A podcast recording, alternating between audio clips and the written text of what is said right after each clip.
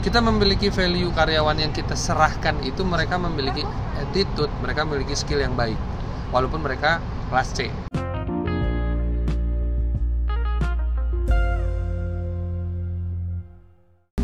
Oke, buat teman-teman yang dengerin, jadi kita itu di sini bakalan ngebahas bisnis-bisnis yang lagi jalan karena gua sama partner gua nih yang satu lagi Ya kelihatan ya? itu Video ya? bakalan audio Audio. interview beberapa orang yang emang lagi punya bisnis sama mungkin dia lagi punya mimpi bisnis karena kita itu sekolah di salah satu sekolah bisnis yang lumayan terkenal yang katanya sih yang keluaran dari sini Di dunia. bakalan jadi pebisnis besar. Business Contohnya ada salah satu gubernur yang Kok gubernur sih?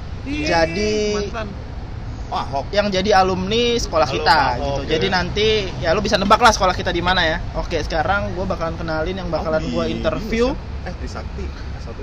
Uh, salah satu teman-teman kita juga yang mereka lagi punya bisnis nih katanya atau lagi coba merintis bisnis. Coba uh, di sini ada Akbar sama satu lagi si Lukas. Hai, hai, hai, hai. Nah, coba deh lo jelasin bisnis apa yang lagi Nah, lo dulu. bikin. Oh, sorry sorry sorry sebelum itu gue pengen tahu background pendidikan lo masing-masing. Coba Bar, mulai dari lo.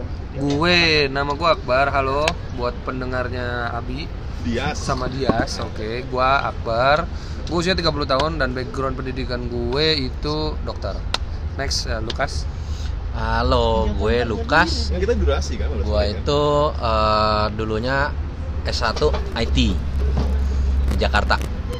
Sekarang lagi? Oke. Sekarang lagi kuliah S2. Oke. Sambil kerja. Sambil kerja. Nah, sekarang pertanyaannya adalah lu lagi bikin bisnis apaan? Berdua. Berdua. Berdua kan? berdua literally awalnya sebenarnya cuma bertiga bukan berdua ya bertiga tapi sekarang jadi berlima karena gue butuh bantuan eh, Manpower. partner- manpower tambahan karena bisnisnya ternyata membesar Kan belum membengkak, jalan. Wih, cuy, dengerin dulu Oh, iya, ceritanya. iya, sorry, sorry, ceritanya sorry, nanti panjang. Jadi, gue langsung cerita nih. Langsung awal aja. mula. Langsung aja, durasi. Jadi, oke durasi ya. Jadi awal mula, eh bukan awal, sorry, brand platform ini, platform platform ini namanya teman kerja. Oh, jadi lu bikin platform. Yoi. Ya, kenapa gue kasih nama teman kerja? Karena ini berhubungan dengan pekerjaan, eh, membantu pekerjaan eh, masyarakat Oke. yang membutuhkan teman untuk bekerja atau bisa disebut Apa kayak sih? gitu. Ya bisa disebut gitu. Iya, iya. iya. Jadi lu butuh partner kerja, anggapannya kayak gitu deh. Oh, iya. Makanya kita gua nama itu kepikiran di situ, teman kerja. Nah, teman kerja ini bekerja sama dengan salah satu perusahaan besar di Indonesia. Indonesia ya gue bilang ya. Jadi eh, kerjasamanya sama Dompet Duafa. Jadi Dompet Duafa ini memiliki eh, salah satu institut kemandirian di mana institut institut kemandirian ini memberikan pelatihan. Jadi teman kerja ini fokusnya sama masyarakat kelas bawah. Secara Menengah ke bawah. menengah ke bawah. Secara kita tahu yang sudah kita kenal deh, ya kan? Eh, Jobstreet, LinkedIn dan teman-temannya itulah, ya kan? Itu eh, mereka lebih ke menengah ke atas. Sedangkan menengah ke bawah ini jarang ada di dalam eh, platform-platform mereka karena ya mereka nggak mohon maaf mereka kurang memiliki daya jual. Nah, di sini teman kerja memiliki daya eh, yang eh, kita bilang value edit itu kita memberikan pelatihan kepada masyarakat kelas bawah di mana pelatihan ini dilakukan oleh Institut Kemandirian Dompet Duafa. Nah, teman kerja ini memberikan eh, memberikan eh, pelatihan-pelatihan pelatihan-pelatihan yang diperlukan untuk orang-orang ini siap ke lapangan pekerjaan. Oke. Itu satu eh, skill itu memang penting. Nah, satu lagi yang kita mau tekankan bahwa kenapa kita senang banget nih eh, kerjasama sama si Dede ini adalah karena kita membutuhkan eh, pe- nggak cuma pelatihan-pelatihan dari skill doang, tapi juga pelatihan karakter.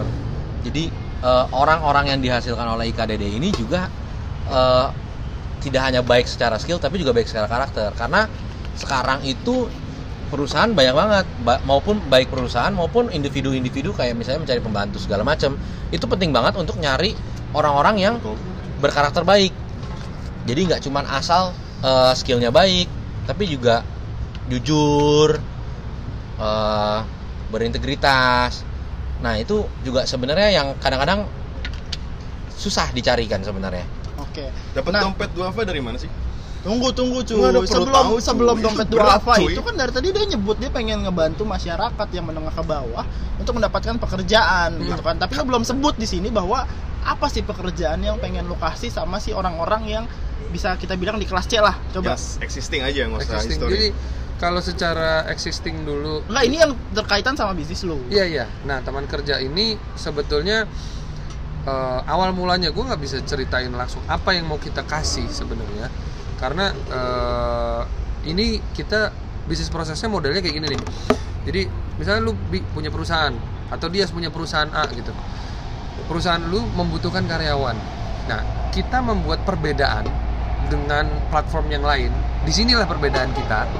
Satu perbedaannya adalah kita memiliki value karyawan yang kita serahkan itu mereka memiliki attitude, mereka memiliki skill yang baik walaupun mereka kelas C. Yang kedua, platform ini bekerja sama dengan institut yang besar. Institut Oke. Kemandirian Dompet Duafa. Terpercaya lah ya. Terpercaya orang-orang itu.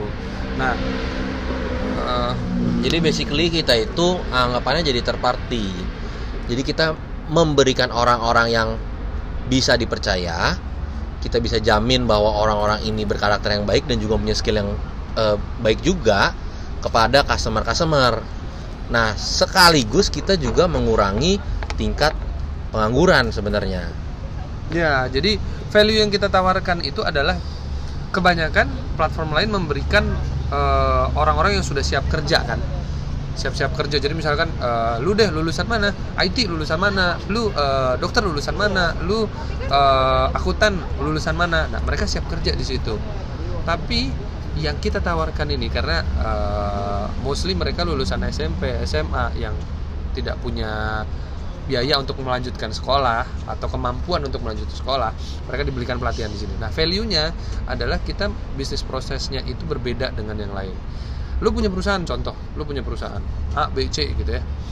Lu butuh karyawan. Nah, di situ pasti lu butuh pelatihan dong. Ya kan? Lu butuh pelatihan. Pelatihan apa sih yang lu butuhin buat perusahaan lu gitu? Lu butuh admin misalkan. Gue pengen admin gue bisa begini nih gitu. Jadi kerjanya apa aja? Kerjaannya. Ya, Sekarang jadi yang lo tawarin tuh Iya, itu tuh, pekerjaan apa? Itu tuh Kalau pe- iya pekerjaannya gini, kita masih R&D sebetulnya ya. Kita masih melakukan R&D eh, untuk data perusahaan kita sendiri, di mana perusahaan-perusahaan ini tuh nyari masyarakat kelasnya itu di bagian apa aja. Yang udah lo dapet pekerjaan apa? Nah, dari yang, KDD. yang dari IKDD pekerjaan ini yang udah kita ambil, mereka punya pelatihan beberapa. Yang pertama itu bengkel, Terus Eh, dua salon, yang ketiga masak, yang keempat sopir, yang kelima apa apa, lagi? ya kemarin ya kas? Handphone, handphone. Service iya. handphone. Service Service handphone. handphone, terus Ya ada pelatihan komputer. admin juga ada sih Ya, pelatihan komputer pelatihan. eh, ya bisa Banyak office ya, lah yang penting banyak bisa ya. office. Enam, enam, enam, dan enam, jahit, banyak. jahit, jahit jahit jahit tujuh tujuh Tujuh. tambahin lagi tambahin lagi Ada itu. Nah, Tapi terbuka buat tambahan sales, nah, logistik. itu yang kita kita ajak kerjasama di mereka. Ini yang kita beda. Jadi kita ingin memberikan pelatihan sesuai, dengan kemauan dari customer. Gue butuh 20 nih admin. Lu latih ya. Gue siapin gitu. Back to basic sih sebenarnya. Lu dapat link DD itu dari mana? Itu paling susah ya? Iya. Semua orang bikin. Ya bisnis. mungkin itu yang jadi pertanyaan semua yang dengar nih bahwa bisa langsung kerjasama sama perusahaan besar sekelas DD itu lo dapat dari mana nih? yayasan lah ada itu ya Ya, jadi kalau kalau ini buat buat buat yang ngedengerin ya, buat pelajaran juga. Sebenarnya lo harus berani kenalan sama siapa pun itu. Dan ini lo harus berani ngambil peluang, cuy. Kenapa? Waktu gua kenalan sama salah satu uh, petingginya Dede itu, Bang J, dia dulu uh, direktur di Institut Kemandirian Dompet Duafa dan dia cukup dikenal di situ. Eh, awalnya gue beraniin diri buat ngomongin soal ide ide berhubungan dengan masyarakat kelas bawah Dosen. Ki- dosen dan dia itu dosen dosen di sat- kampus kita ini Oke dosen ya berarti ya. Nah, Linknya gitu. otomatis terbuka lah ya. Wah, dari situ gue beraniin ngobrol gue sama Lukas tuh ngobrol banyak segala macam tentang ide awalnya ART, nannysitter dan babysitter di mana itu berhubungan dengan masyarakat kelas bawah. Kenapa gue ke Bang J? Karena dia waktu memberikan kuliah, waktu dia memberikan dia kuliah itu dia menjelaskan kalau dia eh, di bidang dompet duafa bekerja di dompet duafa otomatis masuk dong dengan apa yang ada di otak gue ide gue di mana mohon maaf bukan merendahkan tapi orang-orang duafa mereka membutuhkan lapangan pekerjaan. Pasti. Nah itu cuy.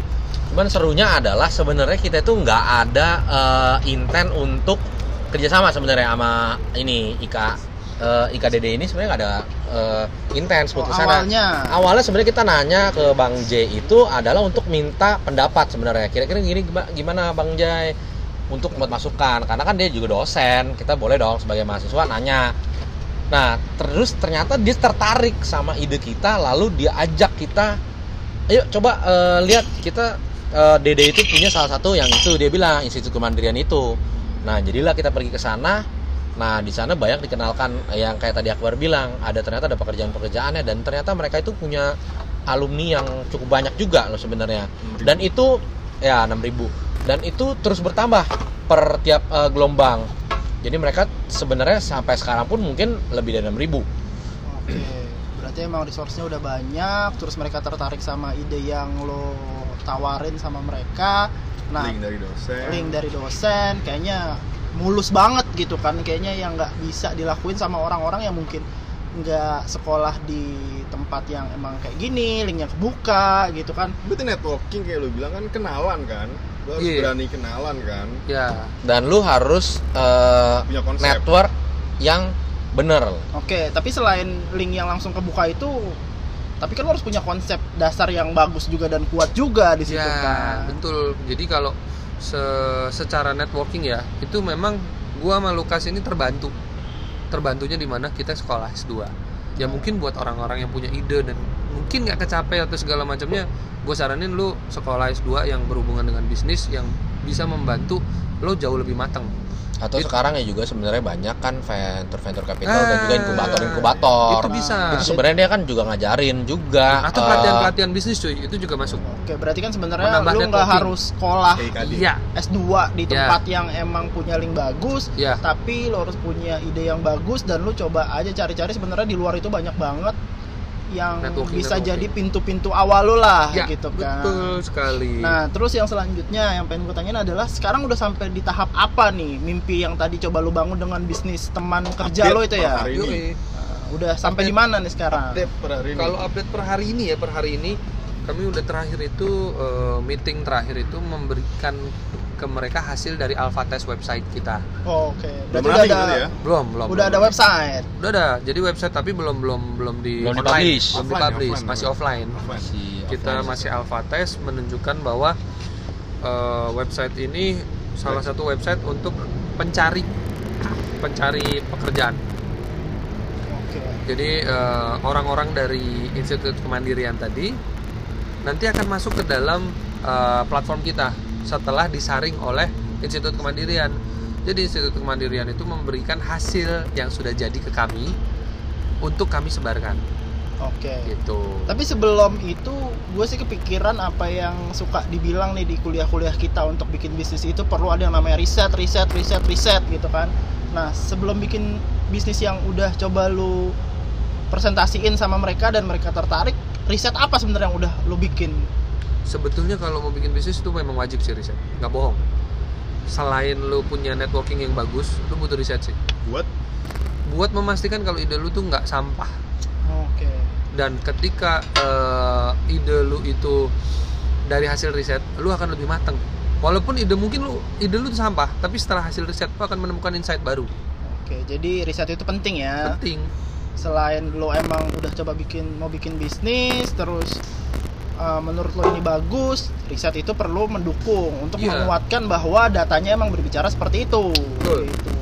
Nah, buat selanjutnya pertanyaannya adalah ketika nanti nih bisnis lo ini udah running gitu kan, pasti lo punya mimpi dong, punya mimpi buat perusahaan ini mau jadi apa dan bisa berkontribusi buat uh, diri lo sendiri atau mungkin si meningkatkan ekonomi kita lah gitu atau memberdayakan orang-orang yang sebenarnya punya kemampuan tapi nggak punya martabat, ya kan? kemampuan ya kan? Nggak punya kesempatan sorry nggak punya kesempatan. Nah mimpi lo apa deh? Coba dari lo berdua. Dari Lukas dulu. Lukas dulu Lukas. seperti apa gitu mimpi lo? Mimpi gua sih ya maunya ini nggak cuma jadi suatu perusahaan yang profitable juga ya yang pasti profitable tuh perlu wajib. profitable wajib kalau nggak makan apa Apain bisnis kalau nggak profit? nah betul bisnis itu namanya dermawan namanya nah cuman eh, satu lagi adalah memberikan dampak sih bagi bangsa juga kita juga karena yang satu sadis. mimpi besar ya ya besar ya Sadis. yang pasti mau ngurangin Pengangguran. pengangguran satu dan juga sebenarnya kita juga mempersiapkan orang-orang ini untuk eh, yang sedang digadang-gadang lah eh, di negara kita lah atau di secara global itu industri 4.0 itu nah jadi kita juga sebenarnya mau mempersiapkan orang-orang eh, orang-orang ini di industri 4.0 ini untuk bisa bekerja dan juga nggak cuma bekerja tapi bekerja dengan kualitas hidup yang jauh lebih baik oke lo KPI bar lo ada kan tapi KPI daya serap, Ada. peningkatan Oke, pendapatan. kalau lo bar dari lo sendiri nih sebagai founder bisa dibilang kan mimpi founder. lo apa? Gue gue Ya, coba. Lo Founder. apa? lo founder nggak sih? enggak kita co-founder Tuh co-founder. iya iya kok masuknya kok Ya itu nantilah belakangan lah founder? diobrolin lah. kita co? karena dia yang wah, Ya, awal. Ini nih cuy, ini pelajaran ini kalau amat. setiap bisnis itu lo nggak usah berantem dulu yang mau jadi founder siapa, co-founder siapa. Jabatan cuy. Itu kan Iya, yang jadi penting lo punya mimpi dulu. Coba lo Iya. jelasin bar mimpi lo apa kalau kalau dari awal sebetulnya dari ide dari ide yang ada ini ini yang yang harus gua tekanin buat yang dengerin ya salah satu yang paling penting ketika lo memiliki ide besar hmm, gua nggak bilang kayak bisnis bisnis bisnis bisnis kecil itu bukan eh, bukan ide yang besar tapi ketika lo punya ide besar lo harus memerlukan eh, teman-teman yang support sama lu dan lu harus mencari tim yang pas. Nah, Bukan hanya Komposisi teman tim. baik. bukan hanya teman baik. Teman baik belum tentu dia menjadi tim yang pas. Oh. Jadi lu ketika lu membangun sebuah bisnis lu harus memiliki tim. Apalagi bisa beli tim. Nah, ketika lu eh, memiliki tim yang baik, tim yang support sama ide lu. Nah, harus satu visi misi ya. Tim satu tim Ngetesnya yang gimana bar? ngetesnya. Lu harus tahu sih orang ini siapa, dia capable sama apa, di bidang Kan apa. Kan lu baru kenal nggak nyampe setahun lah logikanya. Secara kalau misalnya Relatif sih waktu sih ya. kalau waktu relatif. Lu kenal jadi gini kalau lu kenal sama orang lu hanya jangan mengenal dari sisi luarnya aja. Lu harus tahu dong sisi dalamnya dia bebot. di apa ya? Bibit bebot. ya bibit bebet bobot itu dalam arti gini oke lah kalau misalkan lu punya temen yang tajir itu salah satu value. Lu bisa modal. itu modal gede temen 3F tajir. cuy 3F. ya itu modal yang gede. Tapi ketika lu tidak punya teman yang tajir itu lu bisa membuat teman-teman lu dan diri lu sendiri menjadi tajir. Dengan cara apa? Lu mempunyai tim yang hebat dari itu. Nah lu eh, kalau gue nggak nggak mau ngomongin secara secara people ya gimana kita ngejudge seorang gimana kita eh, attract orang atau gimana pun itu itu itu terserah kalian masing-masing. Kalian yang tahu teman-teman kalian kalian yang tahu bagaimana cara menilai orang. Tapi yang pasti lo harus tahu tuh background dia lo harus tahu bibit bebet bobot lah ketika itu lo tahu lo ceritakan ide lo Kalau mau sendiri bar. bisa sendiri tapi lu nggak akan bisa mimpi lo itu tidak akan cukup besar lu mau jalan logikanya gini lu kalau mau jalan jauh lu harus bareng-bareng Ya, oke lah.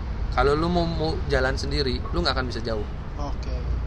Sangat super ya Bapak Akbar. Nggak nggak ini harus ya. super cuy bahasanya dia kan udah, udah ditutup acaranya. Oh ya udah Iya, tutup kan, ya. yang Sorry super sorry sorry sorry. Oh, Oke, iya, untuk, iya. Itu luar Ya, biasa. ya, paham untuk pertanyaan terakhir nih sebelum ini gua tutup ya obrolan yang makin nggak jelas ini nih. Menurut lo berdua nih sebagai orang yang lagi coba merintis, memulai gitu kan bisnis yang menurut lo bakalan jadi sesuatu lah dengan mimpi Amin yang ya lo harapin gitu kan. amin Buat yang dengerin nih menurut lo kiat-kiat apa gitu kan yang perlu ditanemin sebagai orang yang mau jadi pebisnis gitu. Coba gua mau denger dari lo berdua. kalau menurut gue sih eh, jangan keburu patah semangat dulu dah. Eh, jadi jangan sering kali kalau kita riset gitu ya kita riset kita coba tes eh, kira-kira pasar tuh nerima nggak sih ide kita? Kadang-kadang kita tuh eh, suka down. Oh ternyata eh, marketnya nggak ada Jo. Eh, ternyata marketnya niche lah. Eh, profit nggak masuk. Nah itu bukan berarti ide lu tuh sampah. Cuman lu masih lihat lagi sebenarnya. Barangkali mungkin lu salah uh, ada yang salah dengan ide lu dan bisa lu ubah sebenarnya. Nah cuman jangan membuat jangan bukan berarti bahwa suatu uh, rintangan itu adalah sebuah masalah.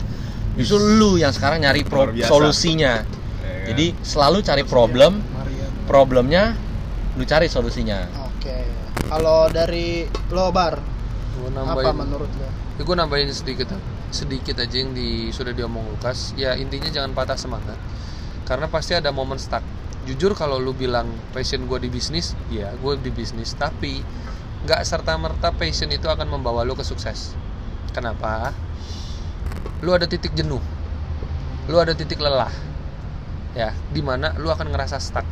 Walaupun lu ngerasa ini passion gue gitu enggak setiap passion itu pasti ada titik lelah titik jenuh. Oke. jujur gue ngelakuin ini ada titik lelah titik jenuh. Tapi balik lagi yang gue bilang tim yang baik tim yang selalu support dan mencari solusi ketika satu stuck tidak akan menghentikan satu tim itu. Karena satu yang lain untuk makin terus gitu. maju. Oh, Iya gitu. Tap. Ya kayak contohnya gue stuck nih gue stuck. Kalau gue stuck dia support. Kalau dia dia stuck eh, Lukas support kalau jarang Lukas stuck ya dia jarang jarang stuck. Nggak sih. Lukas jarang support. iya Lukas lagi jatuh cinta sih. Jadi tim tuh Susah. menurut lo hal yang sangat penting lah ya di luar dari semangat Eh, dengerin terus maju terus gitu kan. iya krusial cuy. Itu itu krusial banget. Setia dengerin nggak? karena Halo Setia. gue punya temen nih curhat. Dia punya tim. Halo Maria. dia punya tim ternyata timnya itu sabar sih. Iya. kok gue jadi ke distract ya oh, iya. jadi gue punya pernah dengerin satu curhat temen gue dia punya tim mau bikin bisnis tapi di awal mereka sudah ribut cuy ribut mulu Gue kerjaannya pernah denger tuh masalah. Kalau nggak salah tuh mereka ke lantai dua dulu. Terus terus terus terus. jadi gua sejujurnya Ini di luar pembicaraan ya. Iya. Ju- jujur aja Ngomong tim ketika lu di depan sudah banyak gesekan itu udah nggak sehat cuy menurut gua udah nggak sehat. Jadi lebih baik lu mencari tim yang saling support dan saling menyemangati bukan saling menjatuhkan. Oke. Gua rasa sih udah cukup ya dari bisnis yang lo jelasin terus eh, kiat-kiat yang coba lo share ke kita buat jadi pebisnis itu seperti apa apalagi ini udah baru mulai-mulai bisnis gitu kan? Iya. Gua rasa sih cukup. Wabillahi taufiq wal hidayah. belum Oh, cuy gue rasa sih cukup untuk perbincangan kita hari ini dan jujur gue juga belum tahu nih bakalan namain podcast gue sama si Dias ini apa. Cuman sih udah kebayang sih namanya Namanya mungkin. Dias Abi. kenapa? Enggak enggak enggak. Mungkin namanya bakalan mimpi aja dulu gitu. Karena menurut gua semua itu berawal dari mimpi dan mimpi itu harus didukung sama orang-orang yang ada di sekitar lo yang punya mimpi sama gitu semoga DNA cuy. Oh, DNA Dias, itu- Dias dan di Enggak, Abi. penting, anjir. Bagus aja closingan gue jelek nih jadi gue rasa cukup cukup buat wal obrolan hidayah. kita hari ini semoga bisa bermanfaat buat lo yang dengerin dan nanti nih kalau misalnya emang kita sama salam nggak mantap. males ini bakalan gue lanjutin ke episode episode selanjutnya ikut anjing. gitu Eh, kan. Iya nanti gue bakalan terus sama Dias dan gue bakalan coba interview orang-orang yang Gila deh. Gue nggak diajak lagi. punya bisnis atau lagi ngerintis bisnis di sini. Oke, Wabillahi taufiq. wabillahi taufiq wal hidayah. Assalamualaikum warahmatullahi wabarakatuh. Waalaikumsalam. warahmatullahi wabarakatuh